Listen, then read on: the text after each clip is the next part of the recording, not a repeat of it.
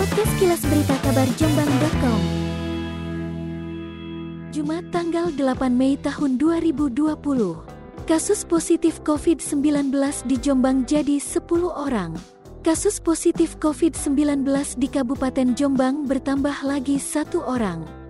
Satu pasien ini asal Kecamatan Tembelang Jombang yang merupakan santri Temboro Magetan.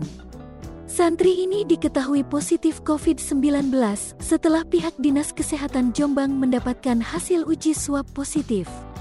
Dengan begitu, jumlah akumulatif positif corona per Jumat tanggal 8 Mei tahun 2020 berjumlah 10 orang. Direktur RSUD Jombang, Dr. Puji Umbaran, membenarkan adanya tambahan satu pasien positif corona ini. Pasien tersebut laki-laki berusia 16 tahun asal Kecamatan Tembelang.